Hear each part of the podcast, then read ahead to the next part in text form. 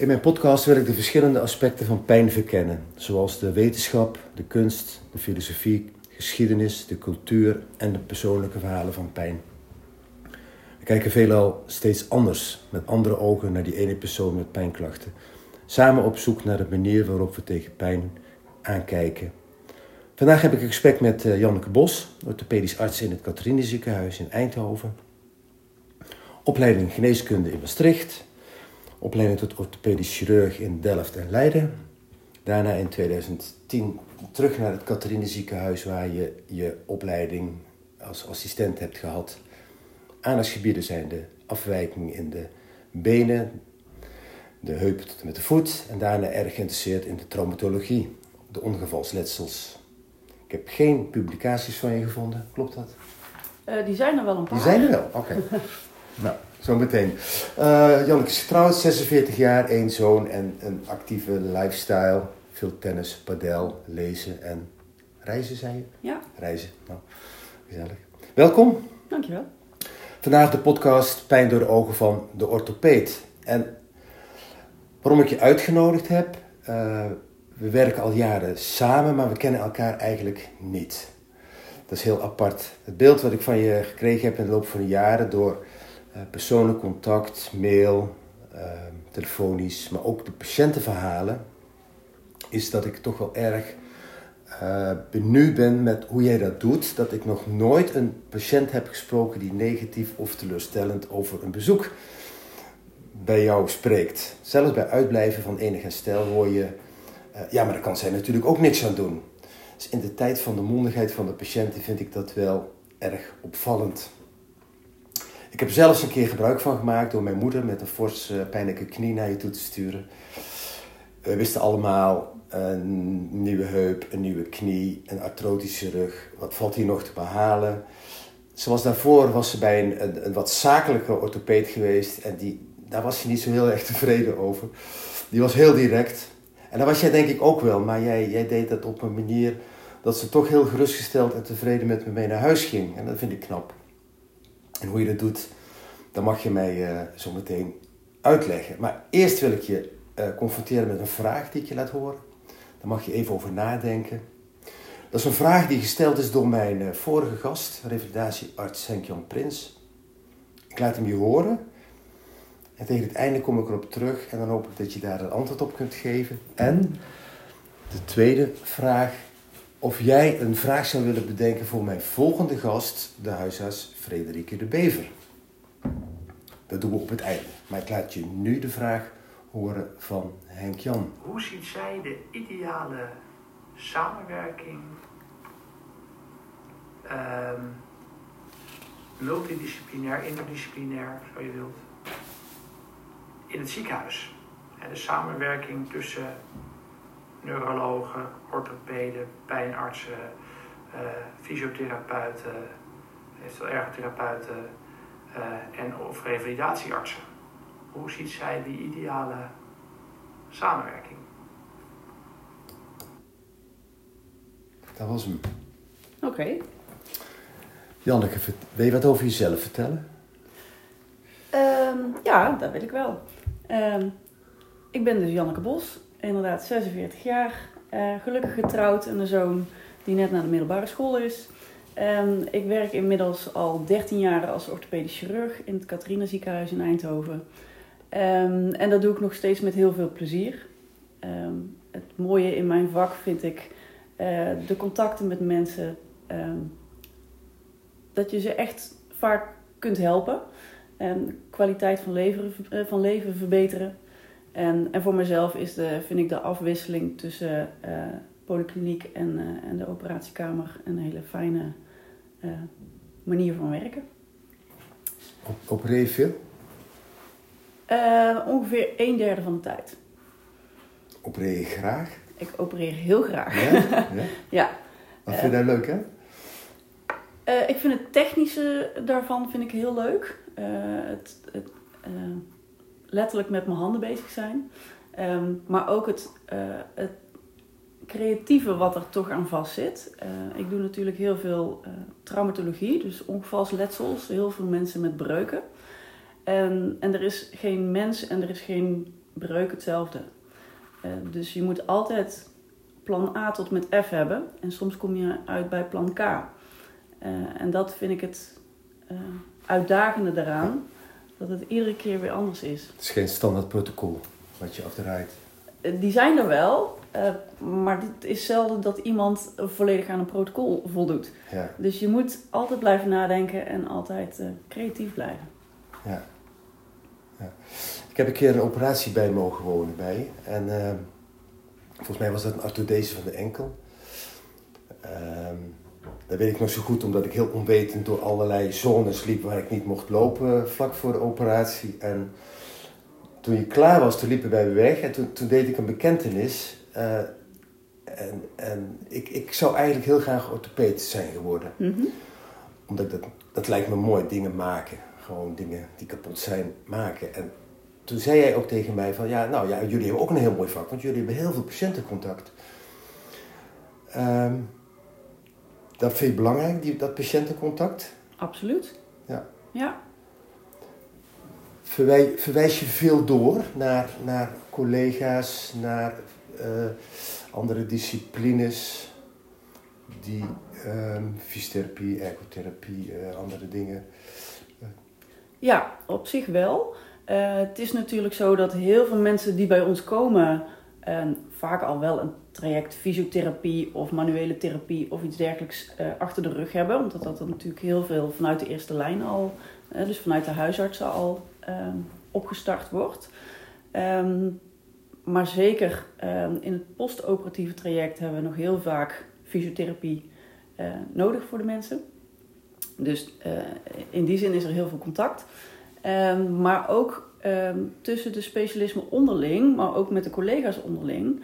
Op het moment ehm, dat we een probleem tegenkomen waarvan ik zeg, ja, ik kom er niet zo helemaal uit. Of ik vraag me af of deze behandeling op dit moment de juiste is. eh, dan schakelen wij eh, heel laagdrempelig elkaar in eh, om eens mee te kijken en om eens mee te denken. Ja. Ehm, om zodanig het, ehm, het juiste op het juiste moment te doen. Ja. Wat, wat, wat, is jouw rol in, wat is jouw rol in de Maatschap Groot Eindhoven? Is dat een van de orthopeden of, of heb jij daar een andere functie bij? Nee, ik ben in principe gewoon een van de eh 16 orthopeden eh, uit de- 16. Ja, wij zijn met 16. Samen met de orthopeden uit het Maxima Medisch Centrum eh, zijn wij een coöperatie. En ik werk tot op heden voornamelijk op de locatie Catharina. Maar we hebben meerdere locaties. En sommige van mijn collega's wer- werken ook op meerdere locaties. Ehm, en naast mijn gewone orthopedische werk doe ik natuurlijk eh, het een en ander aan taken in de ehm, coöperatie. Ja. Maar dat heeft niks met de dagelijkse Nee, eh, de inhoud te maken. Dat is meer eh, ja, zorgen dat we ons werk kunnen doen. Oké. Zijn, je, zijn je werkzaamheden in de loop van de jaren wel veranderd? Ehm, inhoudelijk niet zozeer. Eh het enige is dat er een verschuiving heeft plaatsgevonden dat ik steeds meer eh, de traumatologie ben gaan oppakken, dus de ongevalsletsels. En dat komt omdat er een aantal jaar geleden ehm, een eh, wijziging in het beleid is geweest, landelijk gezien, ehm, dat mensen die traumatologie behandelen eh, daar ook aparte certificering voor nodig hebben.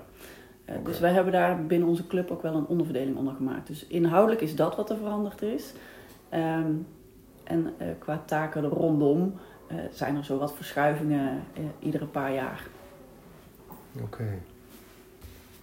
Ik, ik, ik startte met, met gekscherend het verhaal van het positieve geluid, maar Mhm. het klopt ook wel. Ik vind dat wel bijzonder, want in, in de tijd van eh, ehm, de veranderde patiënt, de, de andere zorg, de, men is mondiger geworden, Mhm. men is eh, met social media, internet eh, brutaler, zelfbewuster. En dokter, nu wil ik deze MRI en nu wil ik zus en nu wil ik dat jij dit receptje uitschrijft. Ik vind dat toch wel knap dat jij daar zo, ehm, ja, dat, dat je dat erg goed doet. Ik bedoel, ehm, heb je daar een, heb je daar een, eh, geheim voor? Nou, dank voor het compliment, maar nee, ik heb geen geheim. Nee, maar dat meen ik. Ik vind dat toch wel heel erg eh, bijzonder. Dat eh, men, men voelt zich gehoord. Nou, dat vind ik een, dat vind ik een van de belangrijkste dingen eh, die er is. Ja, Ja. ja. En ik zie regelmatig mensen die komen voor een second opinion. En een van de dingen die mij het meeste opvalt, is dat dat driekwart van de tijd gaat over communicatie. Dus gewoon de tijd nemen en te luisteren Ja. waar diegene mee zit. Ehm, uitleg te geven over wat er aan de hand is en wat je opties zijn en waarom ik wel of niet doe wat ik wel of niet doe. Dus ehm, soms is het heel makkelijk om ehm, in een vraag mee te gaan, maar je moet ook bedenken: is dit zinnige zorg? Gaan we nou iets doen wat iets oplevert? Ja. Of eh, doen we het omdat iemand ooit gehoord heeft dat dat zinvol zou kunnen zijn? Dus als je daar goede uitleg bij geeft, dan is men daar ook wel weer eh, in gerustgesteld of Nou, tevreden mee. Ja, ik denk dat eh, snappen waarom je voelt wat je voelt en waarom je een bepaalde behandeling wel of niet moet doen, ik denk dat dat de helft van het werk is. Dat is ook verplaatsen in de persoon die tegenover je zit. Ja, Natuurlijk. Ja. ja. Maar ja, voor mij is dat de kern van de zaak. Iemand komt bij mij met een probleem en dat wil ik oplossen. Maar ik kan natuurlijk niet alles oplossen. Hè, Ik ben ook maar een orthopeed, ik kan echt niet alles. Ehm, maar duidelijk uitleggen eh, waarom het is wat het is en waar mijn grenzen liggen en, en, en wat diegene wel of niet kan doen.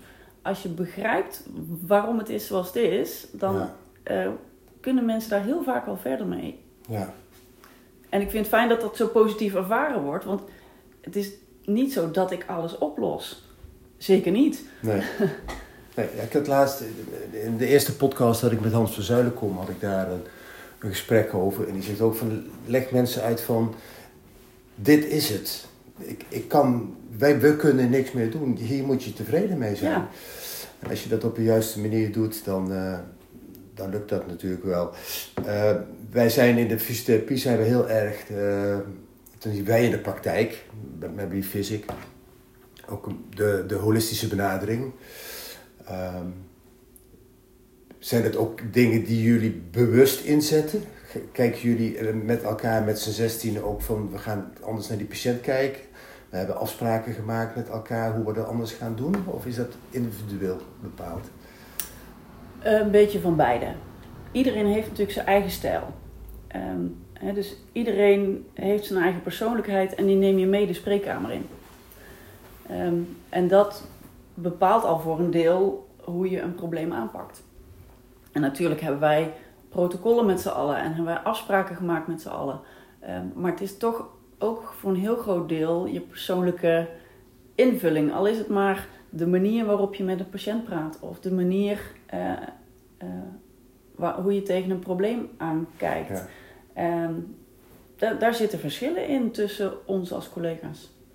Ja. En ik denk dat dat niet verkeerd hoeft te zijn. nee, nee, nee. Andere benadering, andere bril. Andere... Ja. ja, nee, dat klopt wel. En soms heb ik ook juist een andere bril nodig van een collega. Dat ik denk, met mijn manier komen we er niet. Of misschien zit ik in een tunnelvisie. En laten we eens even een deurtje verder kijken. Met die andere bril. Of daar nog andere eh, Ja. opties zijn. Dus ja, ik, ik denk dat dat heel eh, zinvol kan zijn. Om er op meerdere manieren naar te kijken. Maar dat kan je nooit vangen in een Nee, protocol of afspraak. dat de patiënt op een gegeven moment ook wel weet wat voor stijl die arts heeft Ja. en wat voor stijl. Ja, En dat weten misschien de verwijzers ook, hè, de huisartsen. ja, ja. Die denken van, ja, weet je, je moet, zo'n patiënt moet je niet sturen naar, een, naar die orthopeed. Hoe goed die ook mag zijn, hè, natuurlijk. Ja. Eh, En je moet ook een soort van klik hebben met iemand. Ja.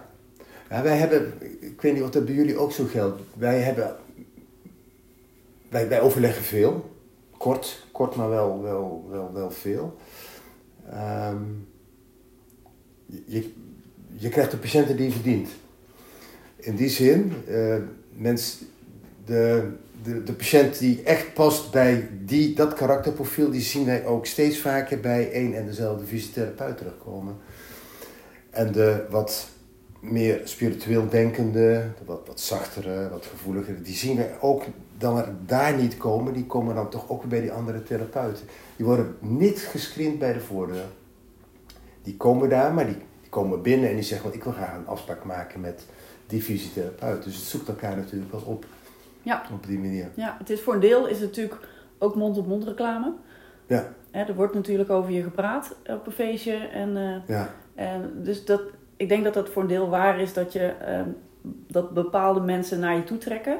Eh, maar voor een heel groot deel is het ook toeval wie er op dat moment een plekje heeft. oké, ja. Tenminste, zo is dat bij ons.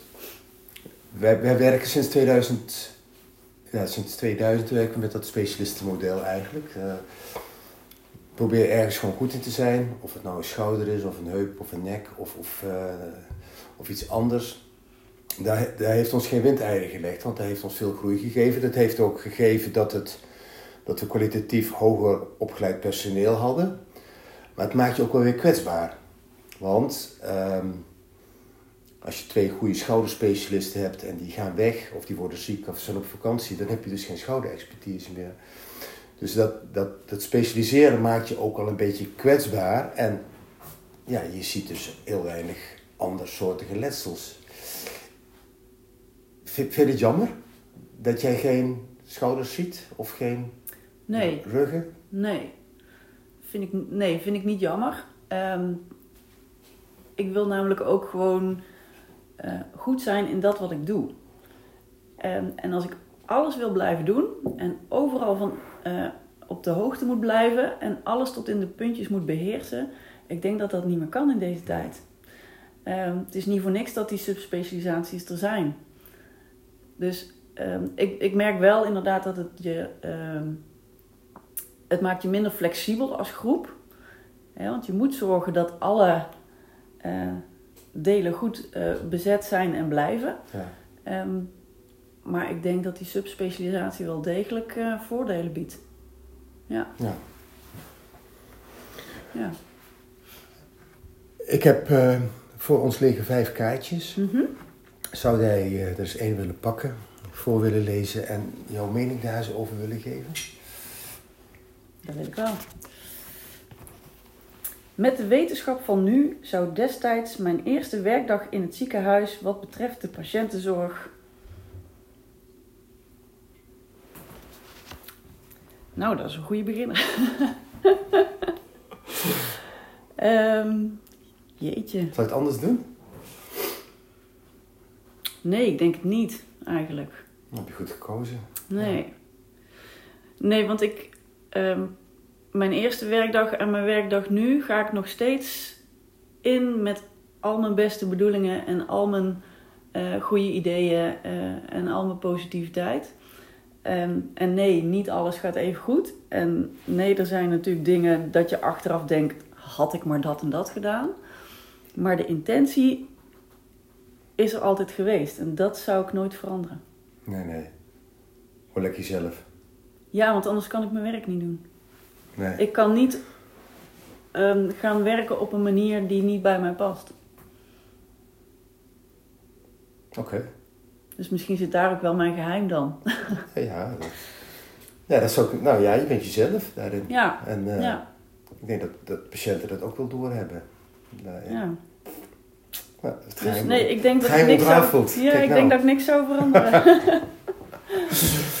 Ehm, ik wil even terug naar de historie. Ik, ik kan me herinneren dat ik jaren geleden heb ik een keer, en ik weet niet meer of het een mail was of dat we elkaar een telefoon hadden. Ehm, ik doe heel veel met enkels, Mhm. met voeten, met, met handen, dus extremiteiten. Ehm, ik denk van, goh, ik zou wel eens een keer met een, eh, een goede orthopeed die ook veel met enkels doet, iets samen willen gaan doen. En toen, toen schetste ik jou, en wat ik al zeg, ik weet niet of het een mail was of een, of een, eh, telefoon, maar dat ik zei van, goh, vind het leuk om, eh, om samen iets op te zetten waarin we een soort snel enkel straatgebeuren kunnen maken. En daar kwam een hele diepe zucht uit. Of het was een hele lange zucht op mail, of het was zo'n opmerking van breek me de bek niet open, want je was er wel klaar mee, gaf je aan. Mhm. Daar zat dus al wat, wat achtergrond in. Mhm. Ja, we hebben een, eh, eh, een hele tijd geleden eh, geprobeerd om ehm, voor de voet- en enkel eh, aandoeningen ehm, iets op te zetten. Toen nog bij de Veldhuiskliniek. Oké. En op dat moment, daar heb ik een jaar of twee ben ik daar heel druk mee geweest om dat op poten te zetten. en, en ja, goede woordkeuze. En uiteindelijk eh, is dat in al zijn schoonheid eh, niet gelukt. Ehm, en dat heeft heel veel eh, tijd en energie gekost. Ja, en, ja. met alle goede bedoelingen. Toen kwam ik. En toen kwam jij.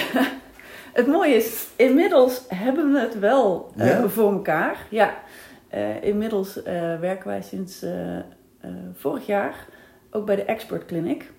Ehm, en een van mijn collega's die Oké. doet daar onder andere de voet-enkelzorg.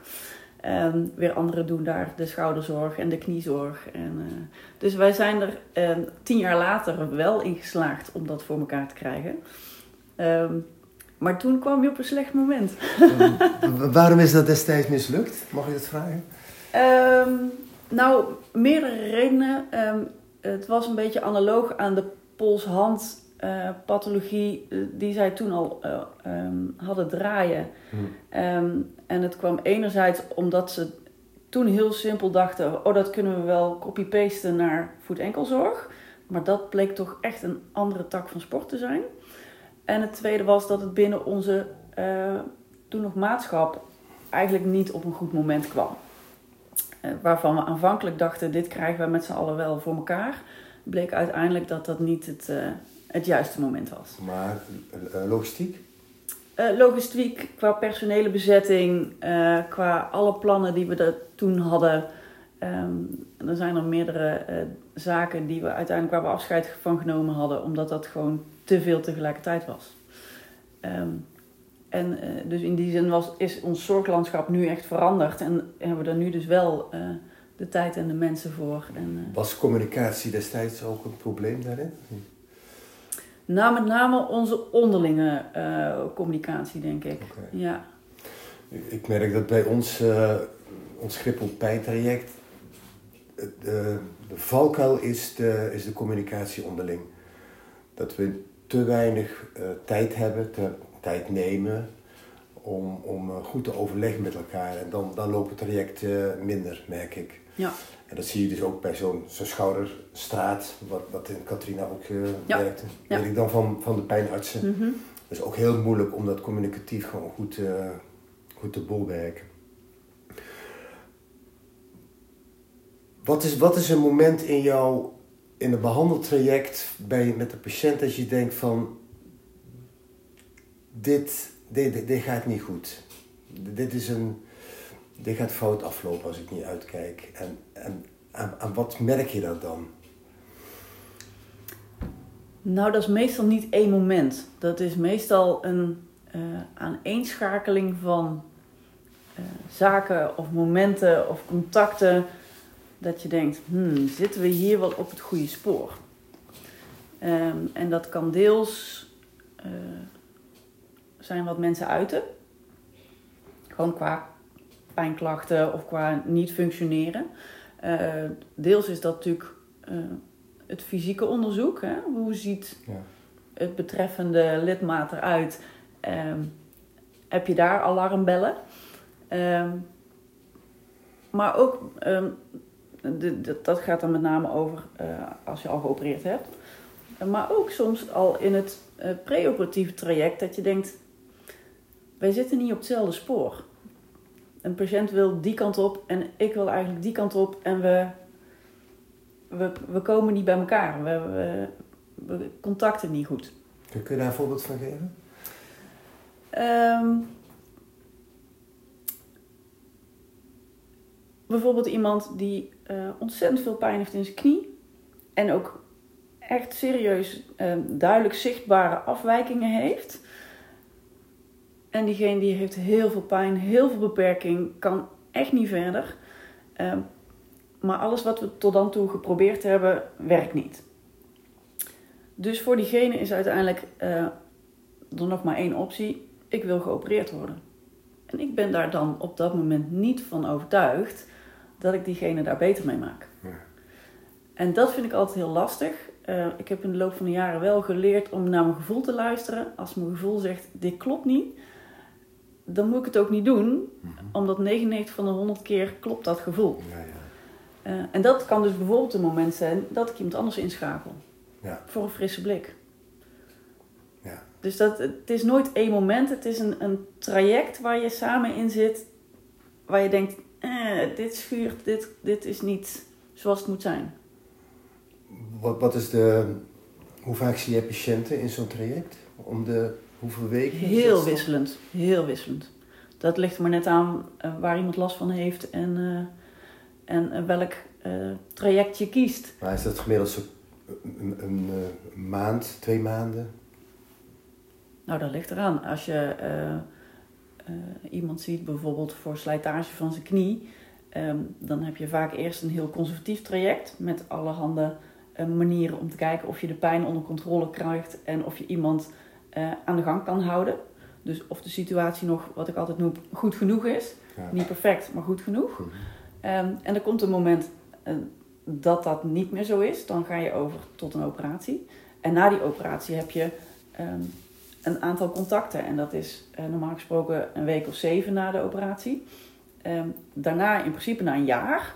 En een deel van de mensen zie je tussentijds nog terug. Omdat het dus niet gaat zoals je zou verwachten dat het gaat. Afwijkend beloop. Ja, dus er, er is niet een standaard aantal keren dat ik iemand zie. Dat, dat ligt heel erg aan de persoon die tegenover me zit. Ja.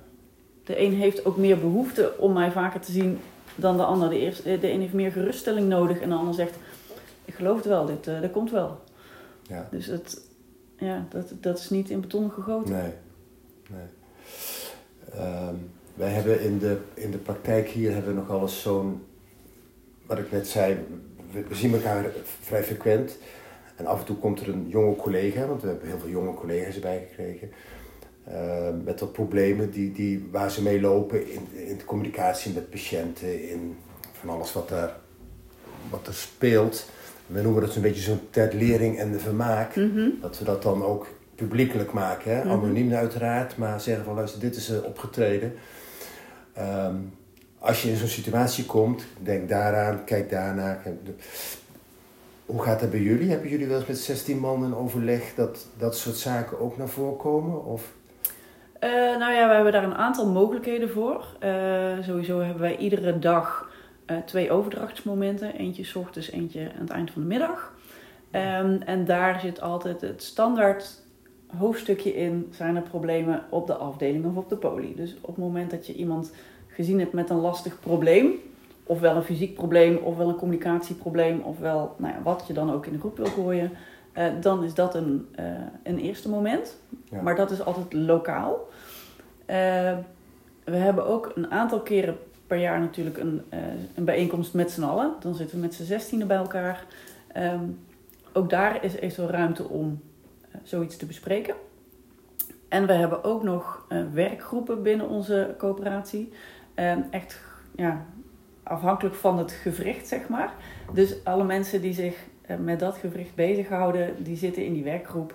En daar is ook standaard een eh, hoofdstukje casuïstiek. Dus op het moment dat je ja, denkt, ja. Oh, hier wil ik iemand bespreken, dan heb je dus, stel voor het gaat om een knie, heb ik alle eh kniegeïnteresseerden bij elkaar ehm, om een probleem te bespreken. En te kijken wat zijn nou de opties en hoe kunnen we dit aanpakken.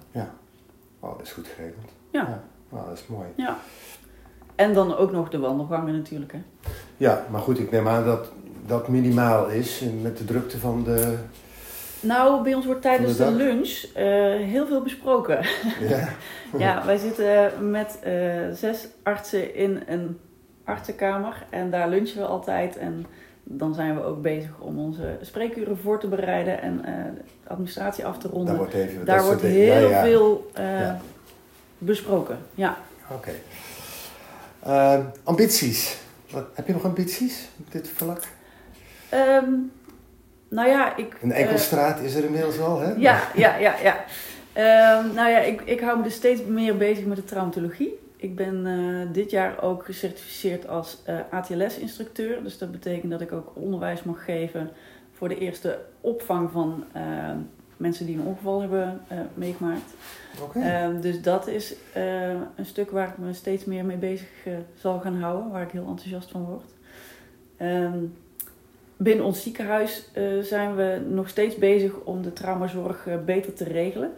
En dat is ook wel echt een groot project. eh, en dat zal ook nog heel veel tijd en energie kosten om dat Ja. zo te maken zoals we het hebben willen. Ja. Dus daar ligt voorlopig de focus. En verder wil ik gewoon mijn werk goed blijven doen en leuk eh, blijven doen. ja, En, heb je eh, net met Kaatje eh, duidelijk ja, gemaakt. precies, precies. Ja, nou, dus, hartstikke mooi. ja, dat. Ik ga morgen naar Den Haag. Ik ga morgen naar de algemene beschouwingen. Oké, oh leuk. Ja, vind ik leuk. Ik ga op de publieke tribune zitten. Mhm. Dan ga ik eens even... Ja, weet je, die bondjes en alles. Het is, het is gewoon verrukkelijk theater om even naar te kijken. Als jij er nou zou zitten... En er zou iemand met aanpassingen in de gezondheidszorg komen. Wanneer zou jij zeggen, kijk, nou hebben we iemand die snapt wat er, eh, wat er nodig is. Wat zou die moeten zeggen dan? Poeh.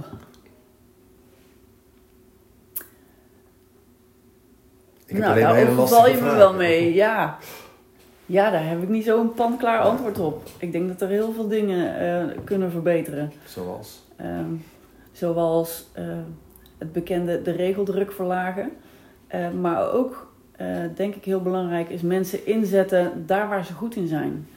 Ehm, dus eh, een verpleegkundige verpleegkundige handelingen laten uitvoeren en ervan uitgaan dat diegene daarvoor bevoegd en bekwaam is, zonder dat daar 36 keer een controle op moet zijn door weer andere verpleegkundigen die daar een hoop tijd aan verspillen, bijvoorbeeld. Ehm, Ja, efficiënter.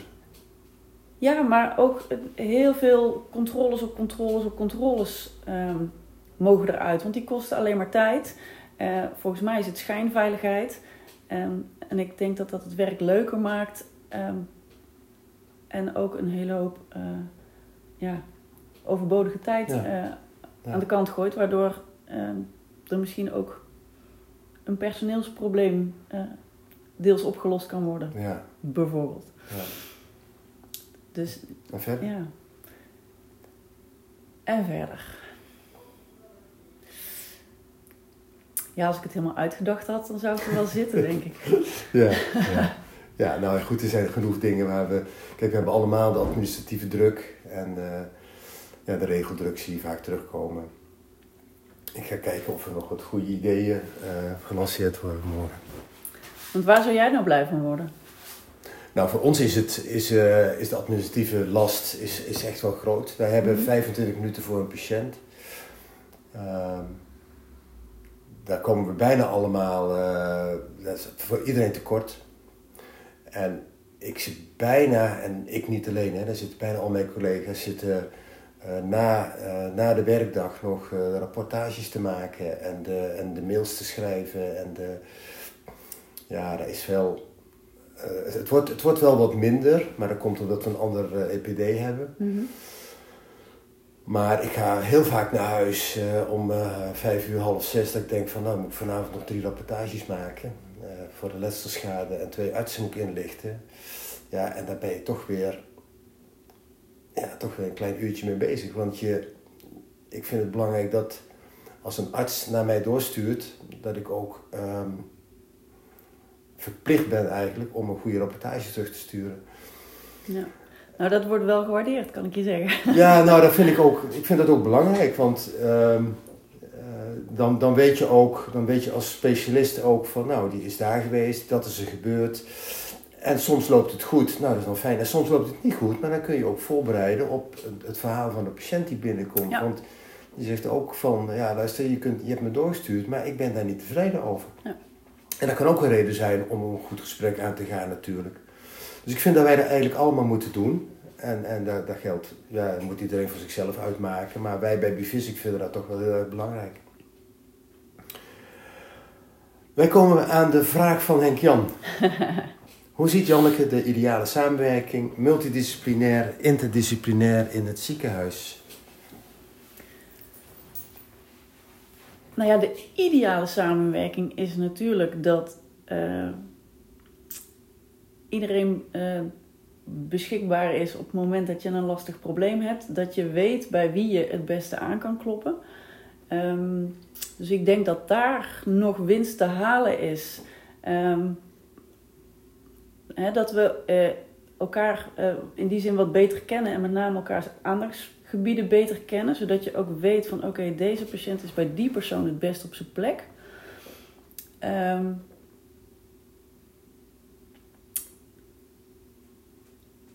echte MDO's is denk ik, eh, dus multidisciplinaire overleggen, is denk ik eh, te veel, want dan, Hmm. eh, dan moet je iets heel groots optuigen. Maar de korte lijntjes onderling en, en dus vooral van elkaar weten ehm, wie wat doet en, en, en wat iemand zijn expertise is, daar is een hoop winst in te halen. Je hebt een groot netwerk, denk ik, inmiddels. Je weet wel welke vraag jij bij wie, welke patiënt waar naartoe kan gaan. Eh, ja, maar het gaat mij meer om de persoonlijke eh, connecties. Dus ik weet wel ongeveer wie waar terecht moet komen. Ehm, maar er zijn inmiddels ook een hele hoop nieuwe collega's die ik echt nog niet persoonlijk ken. Ehm, en dat zou ik. Ik merk dat als ik weet wie er aan de andere kant van de lijn zit, Ja, dat werkt voor mij veel prettiger. Ja. En dan kan ik die Ja, patiënt ook vertellen. ehm, hier moet je naartoe, want die weet waar het over gaat. En die zegt ehm, geen onnozele dingen. En die eh, gaat niet met je aan de slag, ook al weet hij dat het niks wordt. Dat, dat, Ja. Als ik vertrouwen kan uitstralen eh, in degene aan de andere kant, dan heeft die patiënt ook al meteen meer vertrouwen.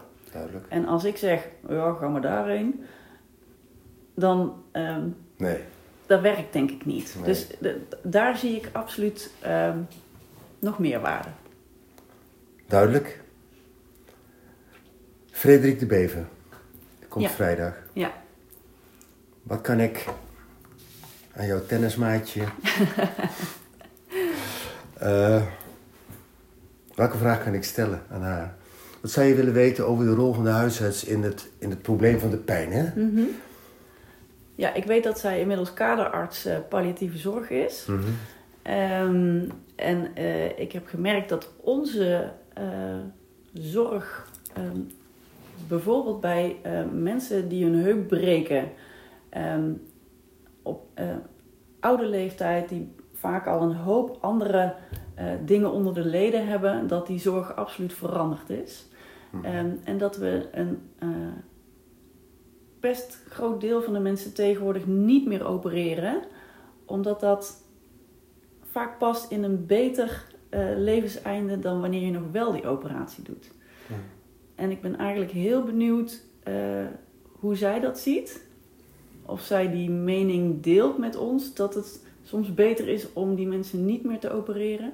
En vooral Goeie vraag. Ja. hoe kunnen we dan zorgen dat de mensen eh, met hun gebroken heup toch eh, zo comfortabel mogelijk zijn Ja. eh, en dat, dat stuk van het leven nog zo mooi mogelijk maken? Of zo aangenaam mogelijk maken zonder al te veel pijn. Prima. We gaan het horen. Ja, ben benieuwd. Eh, wil jij nog ergens op terugkomen? We zitten een beetje op het einde van het gesprek. Nee? Nee, denk het niet. Dingen die jij nog toe wil voegen? Nee? Nou, Nee, mag ik je bedanken voor het gesprek. Vond, vond het leuk. ik ook. Ehm, dit is het einde van de, de podcast. Ehm dankjewel. Alsjeblieft.